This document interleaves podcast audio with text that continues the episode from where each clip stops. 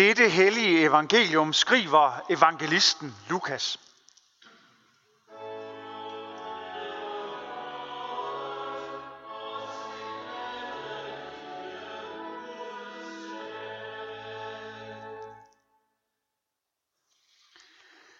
Da otte dage var gået, og Jesus skulle omskæres, fik han navnet Jesus, som han var blevet kaldt af englen, før han blev undfanget i sin moders liv. Amen.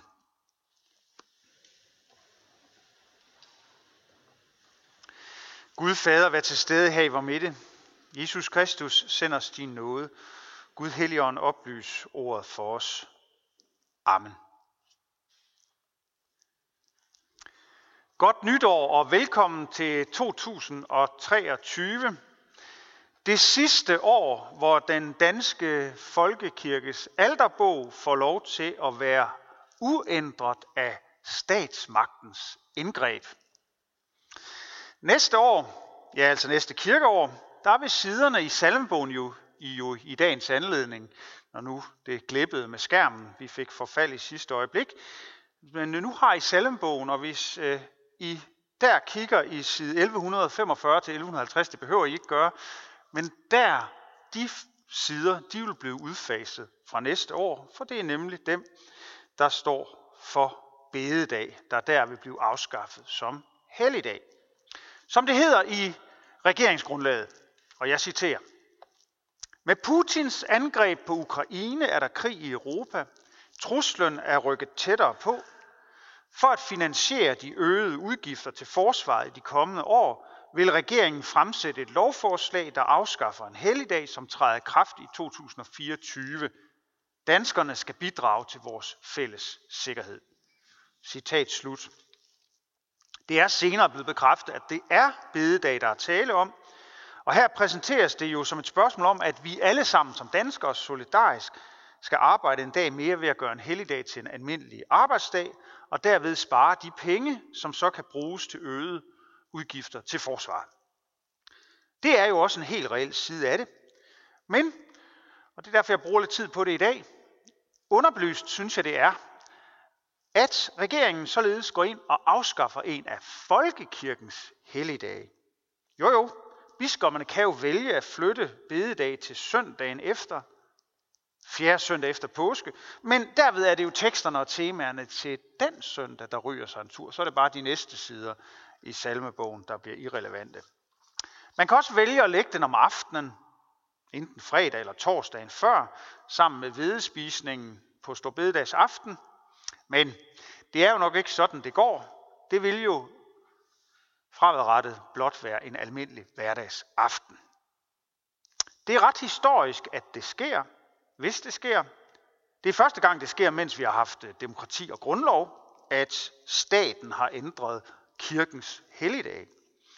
Sidst det skete var for 253 år siden. Dengang blev blandt andet alle helgens dag, som dengang lå 1. Søndag, eller 1. november, og Helle Tre Kongers dag 6. januar afskaffet, blandt andet afskaffet i forbindelse med helligdagsreformen i 1770.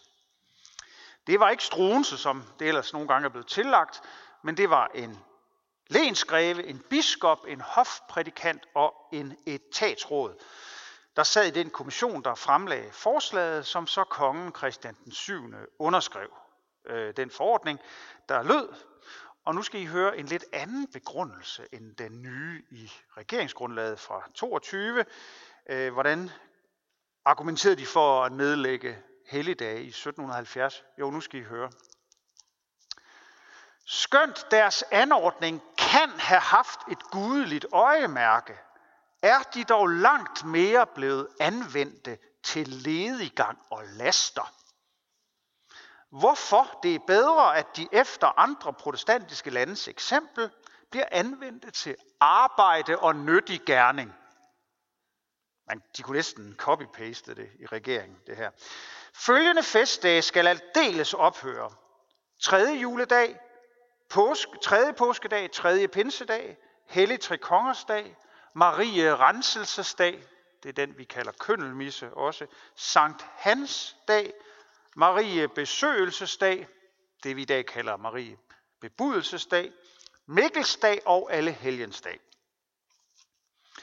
Marie bebudelse blev så henlagt til 5. søndag efter påske, altså søndagen før Palmesøndag, og alle helgen er siden blevet henlagt til første søndag i november.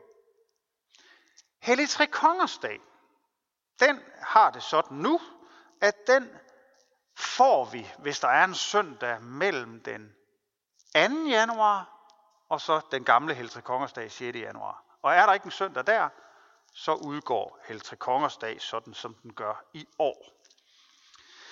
Efter alt at dømme har jeg holdt min sidste prædiken til bededag, for jeg har den ikke i år.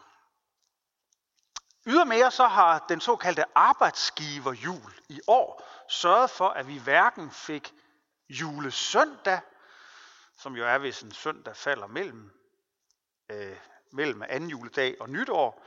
Det har vi ikke haft i år. Og vi får altså heller ikke Heltre Kongers søndag i år. Så nogle gange så sørger kirkeåret selv for massive besparelser, sådan som regeringen hungrer efter. Denne jul mangler vi altså både en julesøndag, den kommer igen til næste år, det bliver jo nytårsaftens dag, der er en søndag der. Men vi må vente til 2025 på, at vi får en Heltre Kongers øh, dag, Heltre Kongers søndag, hvor vi kan synge dejligt af den himmelblå og sådan noget, for den kommer altså hverken i år eller næste år. Og fra næste år må vi så altså også øjensynligt mangle den helligdag, der årligt sætter fokus på bøn og på bod. Altså på fokus på alt det, vi har gjort forkert, som vi angrer over for Gud og på bønnen. Man kunne jo ellers påstå, at netop i krise- og krigstider, der var der særlig brug for det. Nå, ud med bededag, og denne jul må vi altså også undvære Helse Konger og julesøndag, den med, hvis vi havde haft den i år, så havde det været med Simeon og Anna i templet. Men nok om det. For i dag får vi da så i det mindste det allermindste evangelium, der findes i kirkeåret. Så der er også lidt besparelse der, i hvert fald tidsmæssigt. Det er så kort, at jeg godt kan gentage det en gang til. Da otte dage var gået, og han skulle omskæres, fik han navnet Jesus, som han var blevet kaldt af englen, før han blev undfanget i mors liv. Punktum. Nytårsdag, det er altså 8. juledag. Og det er, når det altså er første tekstrække, den her lille bitte korte evangelietekst, vi har, også Jesu navnedag. Den dag han fik sit navn, som han var blevet kaldt af englen Gabriel.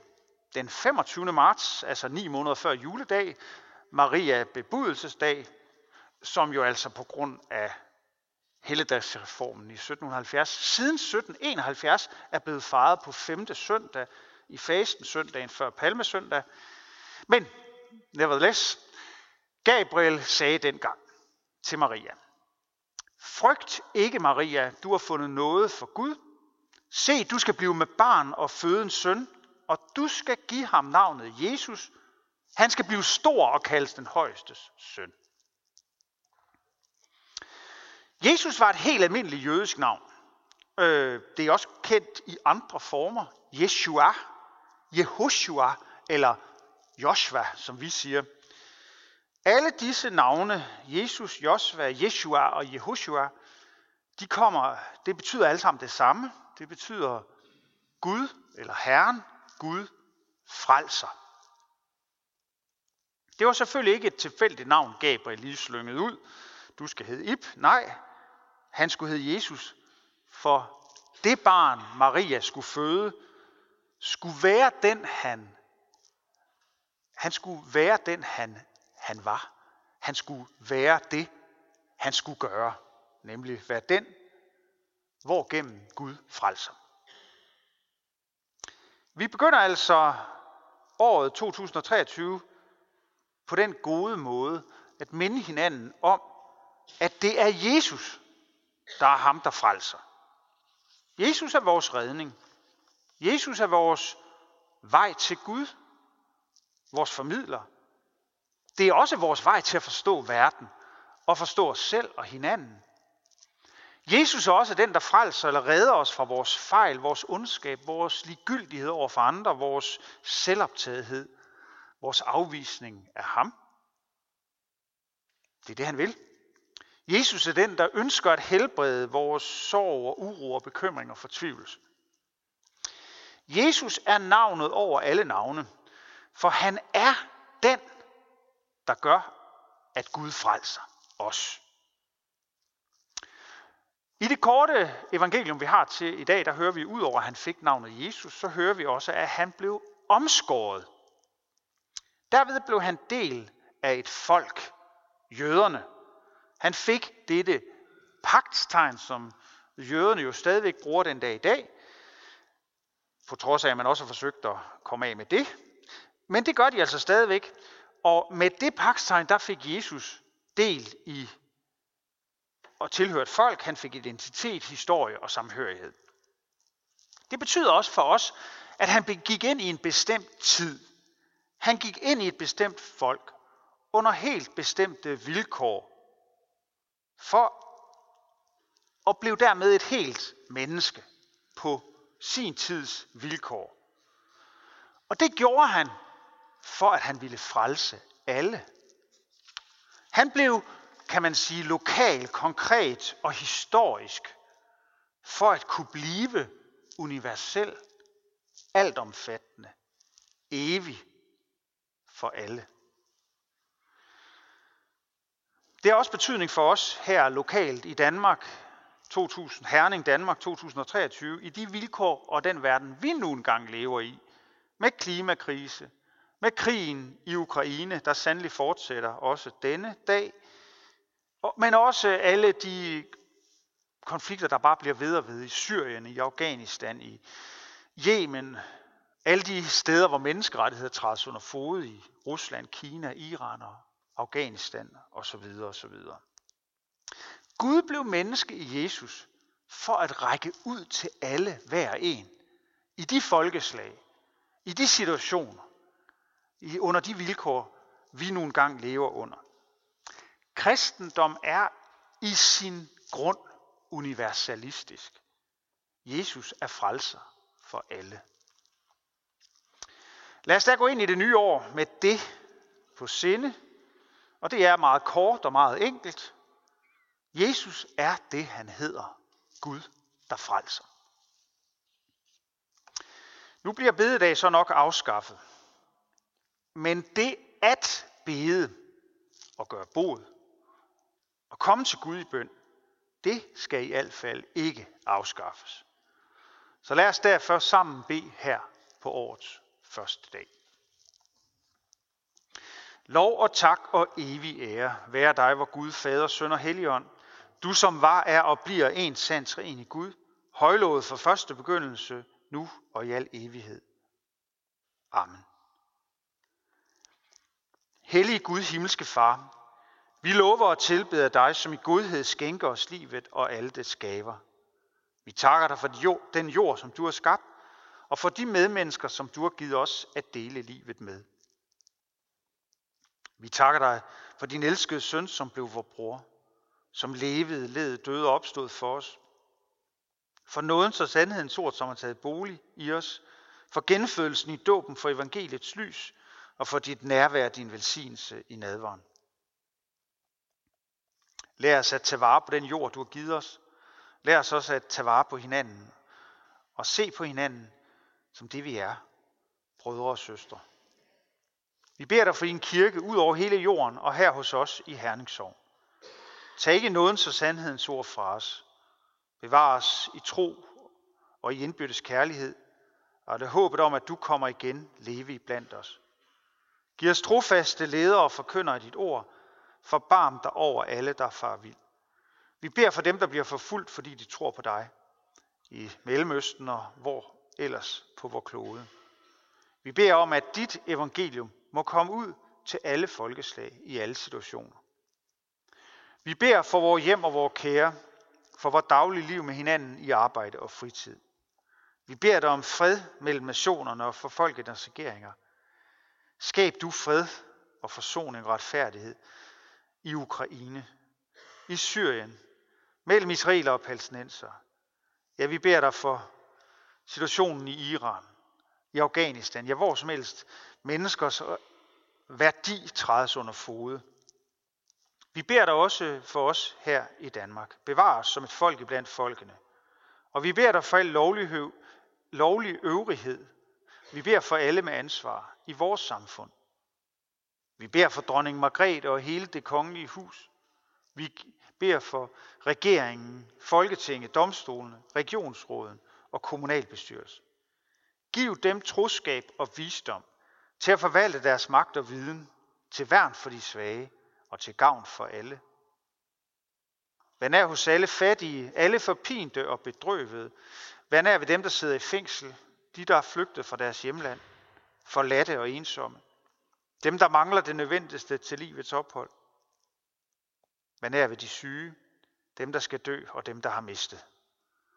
Forbarm dig over os alle, giv os ikke løn som forskyldt, men fri os fra det onde, og lad os på den yderste dag få lov at opstå med Kristus og evigt takke dig ved din elskede søn, Jesus Kristus. Amen.